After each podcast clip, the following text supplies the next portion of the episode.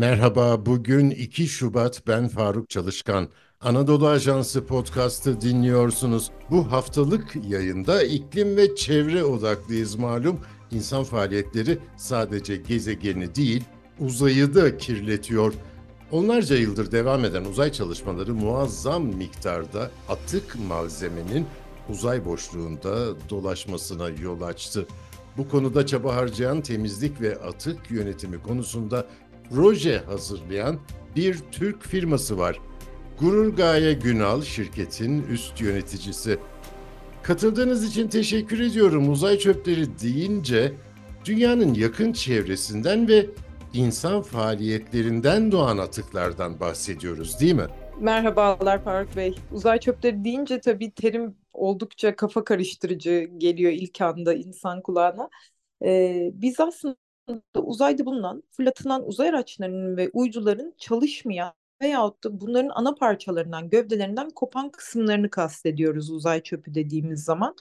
Normalde uyduların belirli bir ömrü var uzayda. Bu pillerine ve yakıtlarının bitmesine bağlı oluyor. Yaklaşık 20 ila 30 yıllık bir süreç.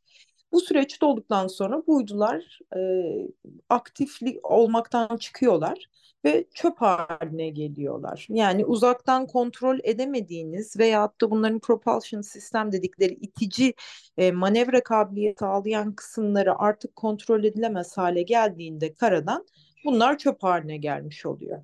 Veyahut bazen antenleri kopuyor bu uyduların yörüngede savruluyor veyahut solar panelleri kopuyor. Bunlar da çöp statüsünde oluyor. Biz bunlara uzay çöpü, uzay enkazı diyoruz daha doğrusu. Peki bunların ne zararı var? Bunlar aslında e, en fazla telekomünikasyon uyduları için e, problem arz ediyor. Uzayda şöyle bir yapılama vardır. Uzayda üç tane yörünge var. Biri dünyaya en yakın olan alçak yörünge dediğimiz İngilizce LEO diye kısaltıyorlar.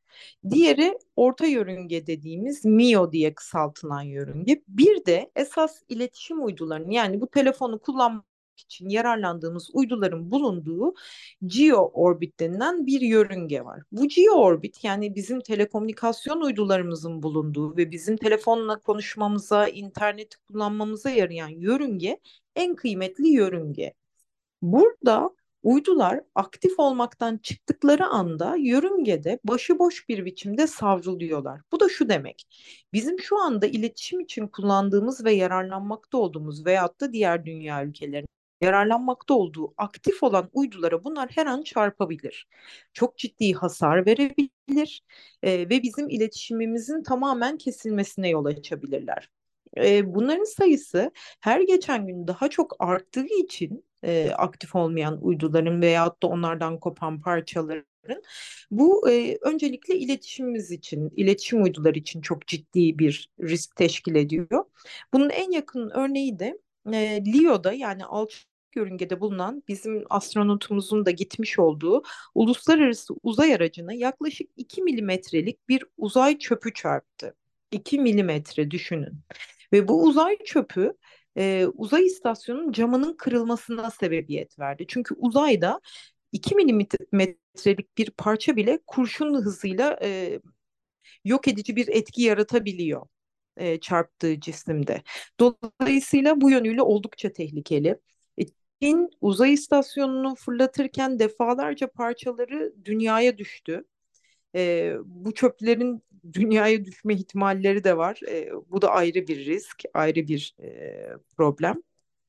Dolayısıyla e, her yönüyle temizlenmesi gerekiyor bu uzay çöplerinin. İnsanoğlu bu konuda şimdiye kadar adım atmadı mı? Bu yönde e, üretilen farklı projeler var. Bu projelerin bir kısmı uzay çöplerinin bir ağ aracılığıyla toplanıp atmosfere fırlatılması yönünde. Bir kısmı e, uzay çöplerinin lazerle yakılması yönünde. Bir kısmı da diyor ki biz bu uzay çöplerini alıp e, yeryüzüne indirelim ve burada tamir edelim ve yenileyelim.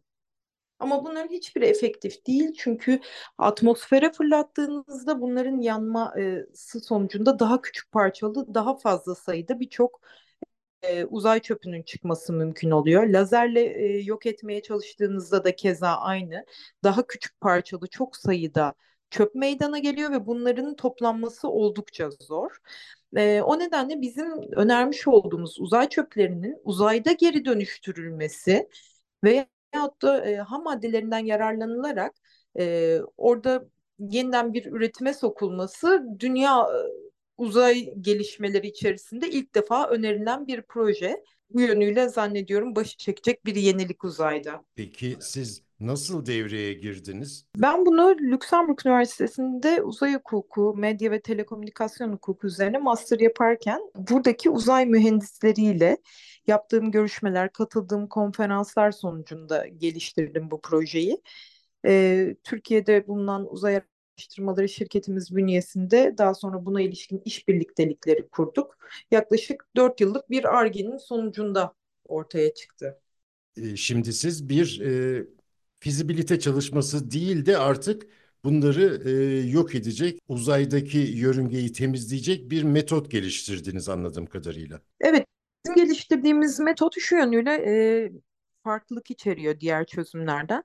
Öncelikle bu uzay çöplerini topluyoruz. Topladığımız uzay çöplerini iki türlü farklı işleme tabi tutabiliriz. Ya bunları bu uzay istasyonu, geri dönüşüm istasyonu içerisinde e, parçalarına ayırıp eritmek suretiyle ham madde haline getirebiliriz. Veyahut da bunları aktive ederek pili bitenlerin pili, yakıtı bitenlerin yakıtının yeniden e, yenilenmesiyle ya da solar panelleri kırılanların, antenaları kırılanların tamir edilmesi suretiyle yeniden uzaydan fırlatılabilecek hale getirebiliriz ve bunu tamamen robotik bir sistem içerisinde gerçekleştirmeyi planlıyoruz. İnsansız bir e, uzay istasyonu olacak burası. Dolayısıyla bu yönüyle çığır açacak bir yenilik tabii oldukça ileri seviyede teknoloji içeriyor içerisinde. Ciddi bir uzay misyonundan söz ediyorsunuz. Bunun, Evet. ma- bunun maliyeti nasıl karşılanacak? Bu zannediyorum geleceğin uzay sanayisi ve uzay ekonomisinin başlangıcı olacak. Ee, uzay ekonomisinde de e, çığır açacak bir e, yenilik olacak. Uluslararası işbirlikleriyle gerçekleştirmeyi hedefliyoruz bu projeyi. Şimdiden de kurduğumuz çok sayıda e, işbirliği anlaşmalarımız var.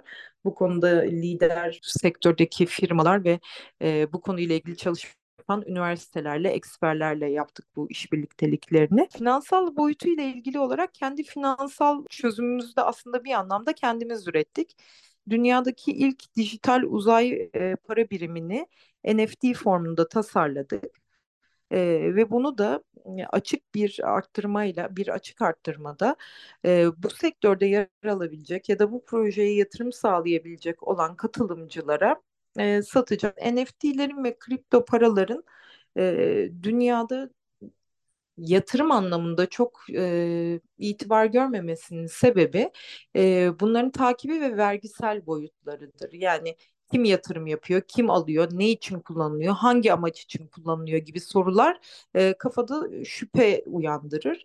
Ancak bizim e, yapacağımız proje içerisinde biz bu oluşturmuş olduğumuz ilk dijital uzay para birimlerini uzay çöplerinin geri dönüşüm projesinde kullanılmak üzere e, sektörün içinde yer alan e, ve bundan faydalanacak olan firmalara e, artı avantajlar sağlayarak bir açık arttırmayla satmayı planlıyoruz.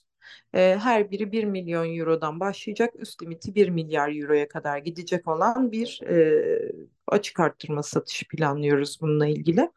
E, bu projenin yaklaşık maliyeti şu anda çıkarttığımız minimum 8 milyar euro civarında olacak çünkü. Onun dışında e, Avrupa Uzay Ajansı'nın ve NATO'nun birçok e, bu iş için rezerve etmiş olduğu fonları var. E, kurduğumuz uluslararası işbirlikleriyle uluslararası uzay ajanslarının da buna katkıda bulunacağını düşünüyoruz. Yani projeniz son aşamasına geldi. Uluslararası çözüm ortaklıklarını da kurdunuz.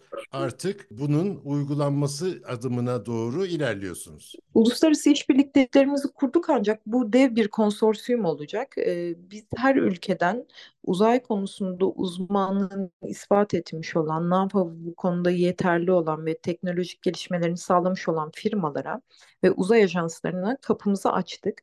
Ee, ve her geçen gün de e, kadromuza yeni işbirliktelikleri ekliyoruz aslında. Ee, herkese yetecek kadar bu pastada yeterli bir e, dilim var aslına bakarsanız. E, o yüzden işbirliktelik işbirlikteliklerimizi henüz tamamen tamamladık diyemem ama çoğunu tamamladık. Hala da geliştirmeye devam ediyoruz bunu. E, zannediyorum bizim ekonomik olarak ileri sürmüş olduğumuz e, ilkemiz de e, katılımcılar için çok cazip oldu.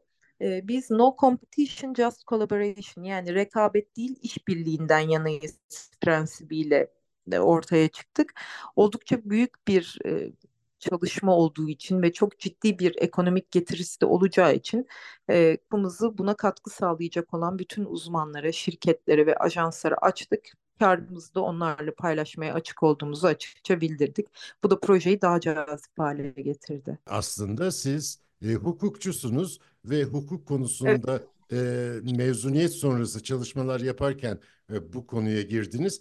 Ama bu projeyi hazırlarken de e, bilim adamlarından astronomi, astrofizik dalındaki uzmanlardan yararlandınız, değil mi? Evet ben avukatım. Uzay hukuku üzerine master yaparken üniversitede Aynı zamanda uzay mühendisliği ile ilgili, uzay araçlarının yapımı ile ilgili mühendislik derslerini de farklı kurslardan e, alarak kendimi geliştirmek istedim. Zaten bu fikir de bu ek dersleri almaya başladığım zaman ortaya çıktı. E, geliştirdiğim bir e, proje sırasında bu neden böyle yapmıyoruz ki bu da olabilir diye düşündüm ve araştırdıkça, içine girdikçe olabilirliğini, fizibilitesini yaptıktan sonra da gördüm. Yolun dışında zannediyorum beni buraya getiren şey e, merakım oldu. Bu neden yapılmıyor ki sorusuyla yola çıktım. Daha sonra kendi kendime araştırmaları yapıp işin uzmanlarıyla, eksperleriyle konuştuğumda yapılabilirliğini de görünce bununla ilgili işbirlikteliklerini kurarak bu işi yapmak için kolları sıvadık.